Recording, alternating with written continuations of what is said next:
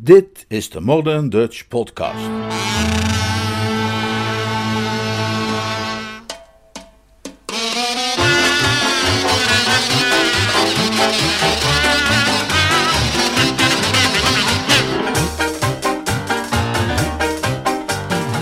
Geluk in de morgen.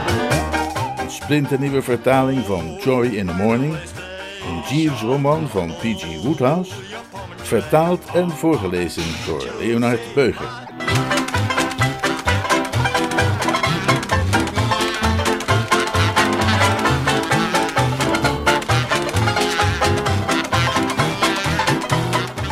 Hoofdstuk 22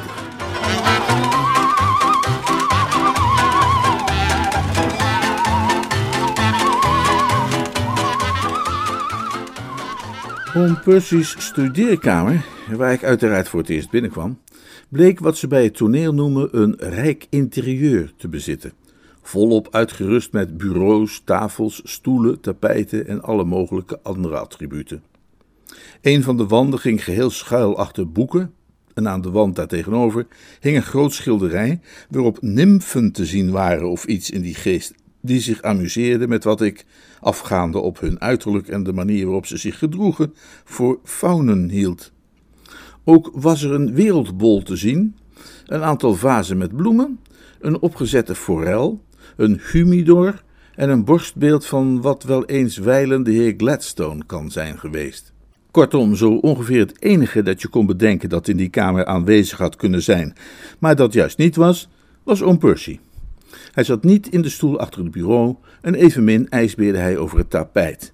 Hij draaide niet aan de wereldbol, snuffelde niet aan de bloemen, las niet in de boeken en bewonderde ook niet de opgezette forel of wierp een blik op de nimfen en de faunen. Er was geen glimpje van hem te zien en die totale en volstrekt onverwachte afwezigheid van ooms bracht me nogal van mijn stuk. Het is een heel raar gevoel als je helemaal bent voorbereid op de strijd, om dan plotseling te moeten ontdekken dat de strijd kennelijk uitblijft. Ongeveer zoiets als de laatste tree van de trap willen nemen en die blijkt er dan niet te zijn. Ik beet nogal onthutst op mijn lip en stond me vervolgens af te vragen wat ik het beste kon doen. De geur van een stevige sigaar, die nog steeds in de lucht hing, verried dat hij nog onlangs ter plaatse moest zijn geweest, en de openslaande deuren, die ook inderdaad waren opengeslagen, leken erop te wijzen dat hij de tuin in was gelopen.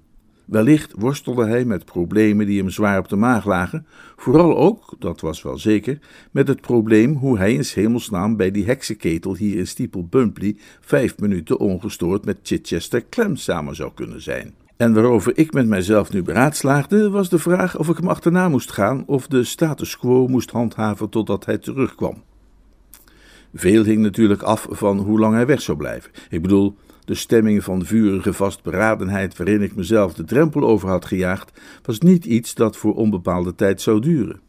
Het hart kende een sterke tendens richting schoenen, en ik constateerde een vage leegte rond het middenrif en een neiging om te slikken. Als het treffen nog een minuut of twee werd uitgesteld, zou het kwaad zich dusdanig hebben uitgebreid dat mijn bloedverwant, wanneer hij uiteindelijk opdook, een Bertram zou aantreffen waaruit al het zaagsel was weggelekt. Een woester die niet verder zou komen dan een zwak ja om Percy, nee om Percy.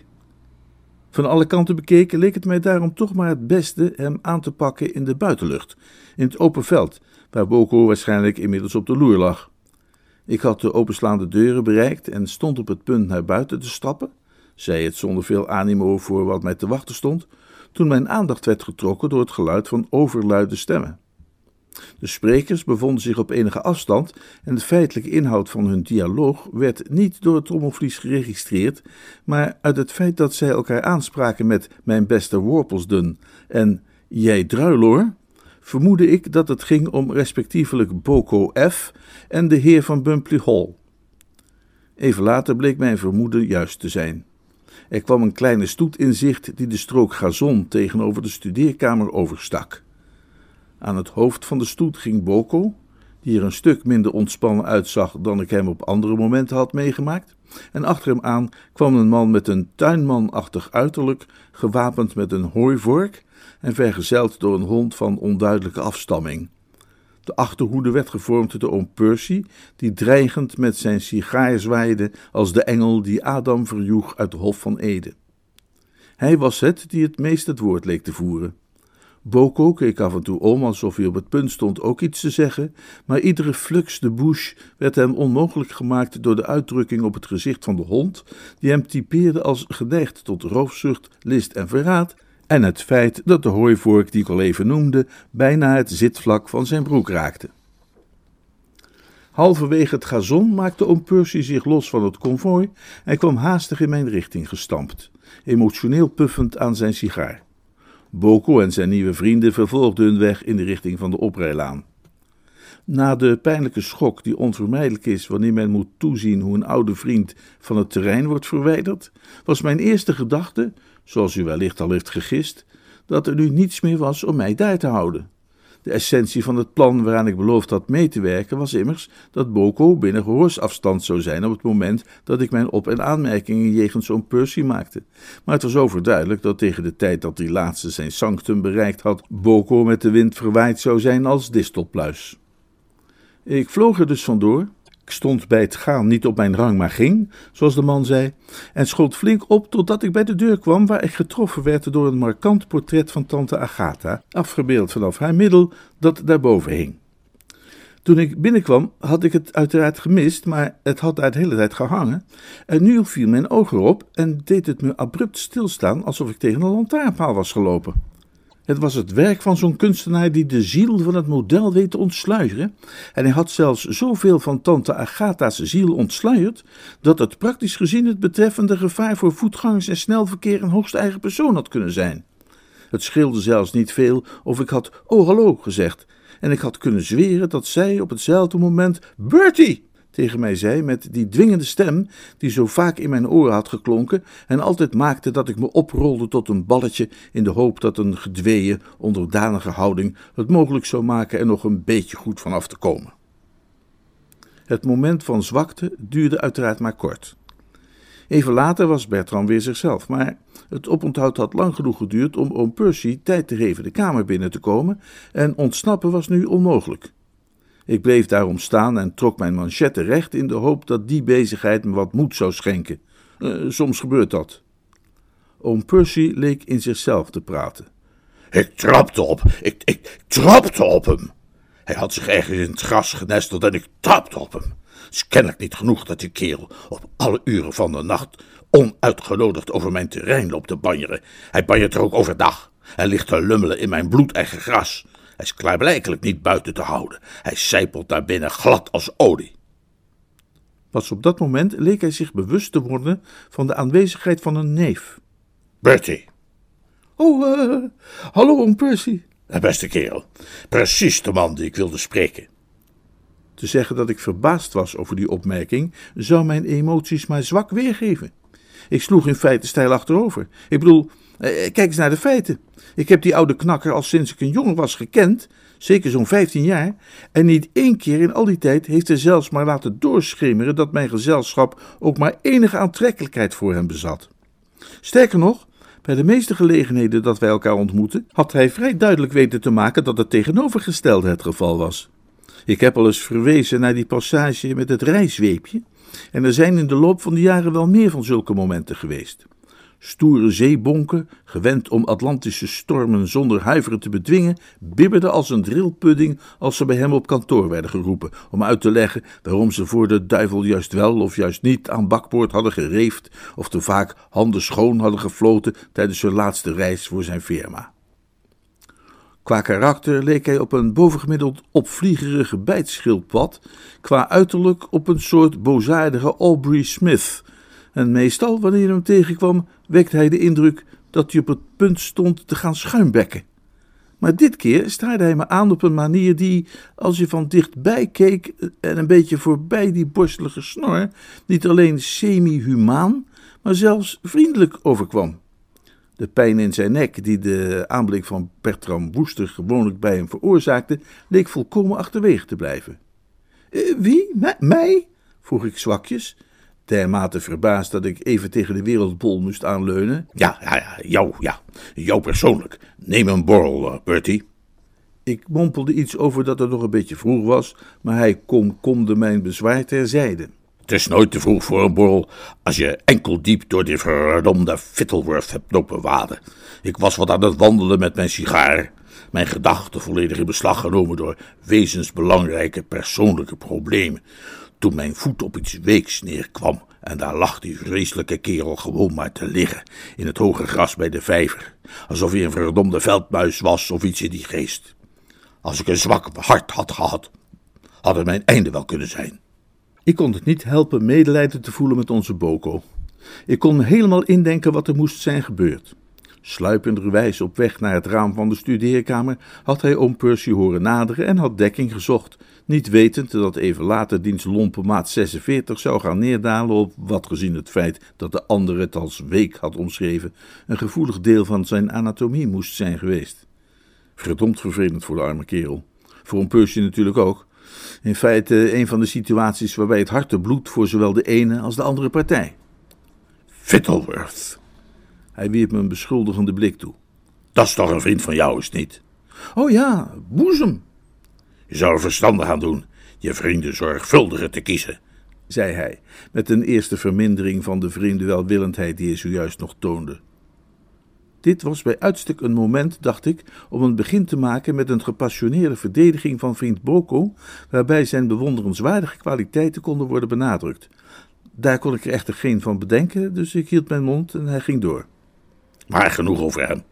Mijn tuinvolk zet hem op dit eigenste moment van mijn land en heeft strikte orders hem met een hooivork in de broek te prikken als hij maar de minste weerstand durft te bieden. Durf haast te denken dat we meer voortaan een stuk minder zullen zien. Ha. En bij Sint Joris, dat is wat Bumpy Hall nodig heeft om een aards paradijs te worden. Minder en betere Fittleworths. Neem een sigaar, Bertie. Eh, nee, eh, dank u, niet voor mij. Onzin. Die af- en aanhouding van jou met betrekking tot mijn sigaren kan ik niet begrijpen. Als ik niet wil dat jij ze rookt, doe je het wel. Hè? Herinner jij je dat reiswipje nog? En als ik wel wil dat je ze rookt, dan doe jij dat juist weer niet.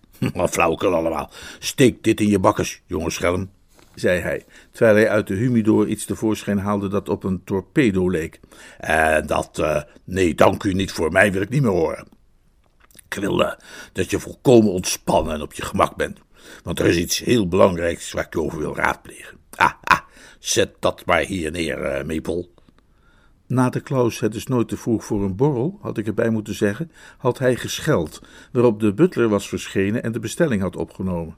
De brave kerel was nu weer binnengekomen met een half flesje uit de speciale voorraad, en terwijl het familielid dit op joviale wijze ontkrukte, hervatte hij zijn opmerkingen. Ja, genoeg over die Fittleworth. Herhaalde hij, terwijl hij me een schuimende bokaal overhandigde. Laten we hem uit onze gedachten zetten. Ik heb andere dingen te bespreken, maar eerst en vooral, proost, Bertie. Proost, zei ik zwakjes. Op de misdaad. De vellen, antwoordde ik nog steeds aan de versufte kant. Prut. zei het wonderlijke wisselkind. Eerst en vooral Vervolgde hij, terwijl hij een vluggetje achterover sloeg. wil ik mijn eh, waardering uitspreken voor je verbluffend bewonderenswaardige actie op de oprijlaan daarnet. Ik kwam daar Edwin tegen en hij vertelde me dat je me een schop had gegeven. Iets wat ik al jaren heb willen doen, maar waar ik nooit het lef voor heb gehad. Onder die woorden stond hij op van zijn stoel, stak zijn hand uit, schudde met geestdrift de mijne en ging weer zitten. Als ik terugdenk aan enkele van onze jongste ontmoetingen, Bertie, Zei hij, niet echt zachtjes, want zachtjes praten kon hij niet, maar in elk geval zo zacht als iemand die het moeilijk vindt om zacht te praten, kon praten. dan vermoed ik dat jij wellicht het idee hebt gekregen dat ik een norse, chagrijnige oude kerel ben. Ik vrees ook dat ik gisteravond harde woorden tegen je heb gesproken. Dat moet je maar een beetje door de vingers zien. Je moet dat allemaal niet te letterlijk nemen. Je kunt een man met een zoon als Edwin niet beoordelen naar dezelfde maatstaven als mannen die geen zoon hebben als Edwin. Heb je toevallig ook gehoord hoe hij me gisteravond met die verdomde verkennersstok van hem te grazen heeft genomen? Net als mij. Recht op mij. Mij heeft hij ook op mijn kop geslagen. Hij dacht dat ik een inbreker was of zulk soort van flauwekul. En toen ik gepaste maatregelen tegen hem wilde nemen, heeft Florence me dat verboden. Nou, je kunt je wel voorstellen hoe ik me voelde toen ik hoorde dat jij hem een schop had gegeven. Ah, ik wou dat ik het had kunnen zien. Hè? Maar uit zijn verslag heb ik toch duidelijk kunnen opmaken dat jij je met prijzenswaardige moed en vindingrijkheid hebt gedragen. En ik heb er geen probleem mee, mijn jongen, te bekennen dat dit gebeuren mijn eh, mening over jou volledig heeft veranderd. Jarenlang heb ik jou beschouwd als een slappe, futloze lospol. En, en nu zie ik in hoe ik me heb vergist. Jij hebt laten zien, in feite, over uh, grote praktische vermogens te beschikken. En, en ik heb besloten dat jij degene bent die mij zult kunnen adviseren in de crisis waarin mijn zaken op dit moment verkeren.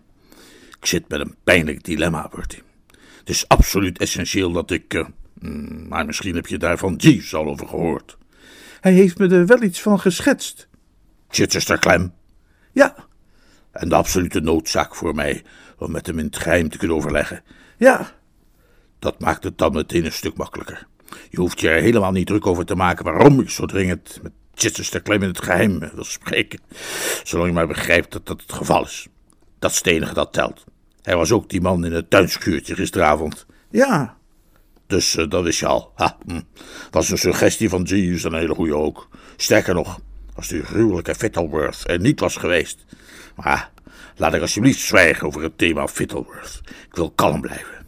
Ja, het was dus Clem in dat uh, tuinschuurtje. Eigenaardige kerel. Oh ja? Hoogst, hoogst eigenaardig. Ik vraag me af hoe ik hem het beste aan je kan beschrijven. Ben je een beetje bekend met onze fauna? Faunen? Uh, zoals die types op dat schilderij? Nee, nee, nee. Fauna. Onze dierenwereld. Reekalfjes bijvoorbeeld. Heb je wel eens een reekalf gezien? Zo'n schuchter reekalf dat rilt en beeft bij het minste vermoeden van gevaar opschrikt als een, uh, nou ja, als een reekalf. Dus dat is klem. Niet om te zien hoor, bedoel ik. Hij is een, een stuk zwaarder gebouwd dan een gemiddelde reekalf. En hij draagt zo'n horende bril, wat reekalfjes natuurlijk niet doen. Ik doel meer op zijn aard, zijn karakter. Mee eens? Ik herinnerde hem eraan dat Clems psyche voor mij een gesloten boek was, omdat ik nooit het genoeg had gehad met hem kennis te maken. Ja, dat is waar ook. Dat was ik even vergeten. Maar goed, zo is hij dus. Als een reekalf. Nerveus. Bibberig. Slaat bij het minste of geringste op tilt. Kwam trillend als een espenblad dat tuinschuurtje uit, heb ik begrepen. Nooit meer, zei hij. Zijn laatste druppel moed was verdampt en elk plan dat we bedenken voor een volgende poging zal een heel goed plan moeten zijn. Een waterdicht plan. Een plan waarvan zelfs hij kan zien dat het hem in geen enkel gevaar brengt. Vreemd, die neurotische trekken van de Amerikaanse zakenman. Snap jij waar dat vandaan komt? Nee, nee, nou ik wel. Te veel koffie. Koffie? Dat en een New Deal.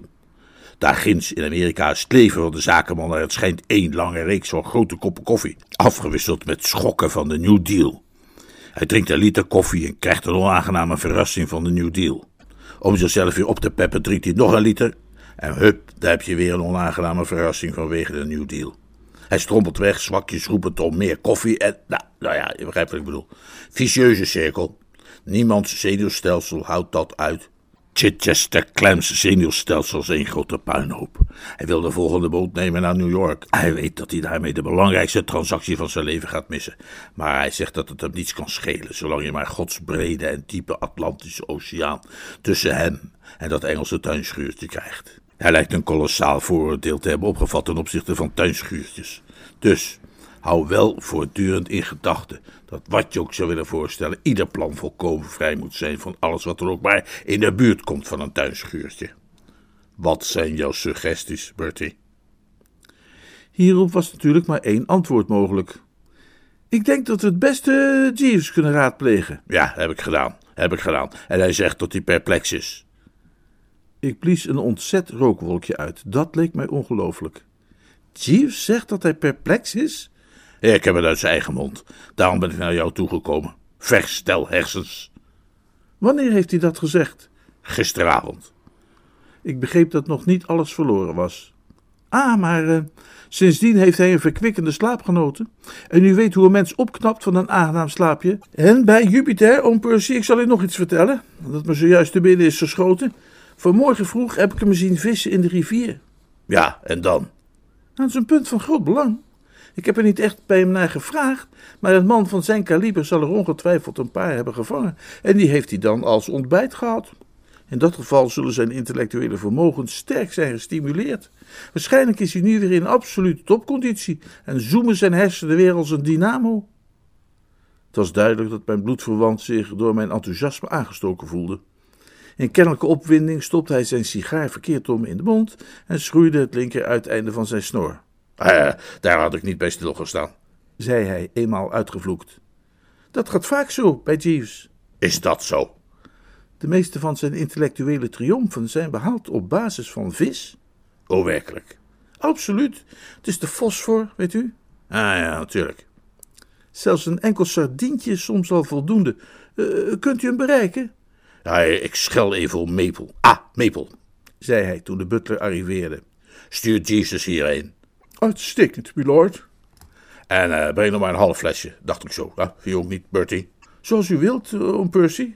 Ah, zou onverstandig zijn om dat niet te doen. Je hebt er geen idee van hoe een mens van streek raakt als hij zijn voet neerzet op wat hij denkt dat vaste grond zal zijn, om dan te moeten ervaren dat het Fittleworth is. Nog één van hetzelfde, Maple. Uitstekend, milord. Tijdens het daaropvolgende interval, dat niet al te lang duurde, improviseerde de bejaarde bloedverwant wat korte bijdragen rond vriend Boko, voornamelijk over wat een hekel hij had aan diens gezicht. Daarna ging de deur weer open om een kleine processie binnen te laten met aan het hoofd de halve fles op een presenteerblad. Die werd gevolgd door Maple en die op zijn beurt weer door Jeeves. Maple trok zich terug en oom Percy barstte los. Jeeves! Milord. Heb je vanmorgen vis gevangen? Twee stuks, milord. Daar heb je die voor ontbijt genomen. Jawel, milord. Schitterend. Magnifiek. Excellent. Kom erop dan, laat horen.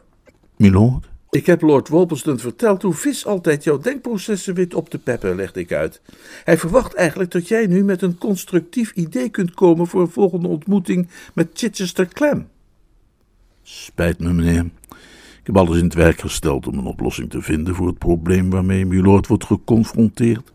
Maar tot mijn spijt moet ik zeggen dat mijn inspanningen niet met succes zijn bekroond. Hopeloos, vatte ik zijn woorden samen ten behoeve van oom Percy. Oom Percy zei dat hij op wat beters had gehoopt en Jeeves zei dat hij dat evenzeer had gedaan.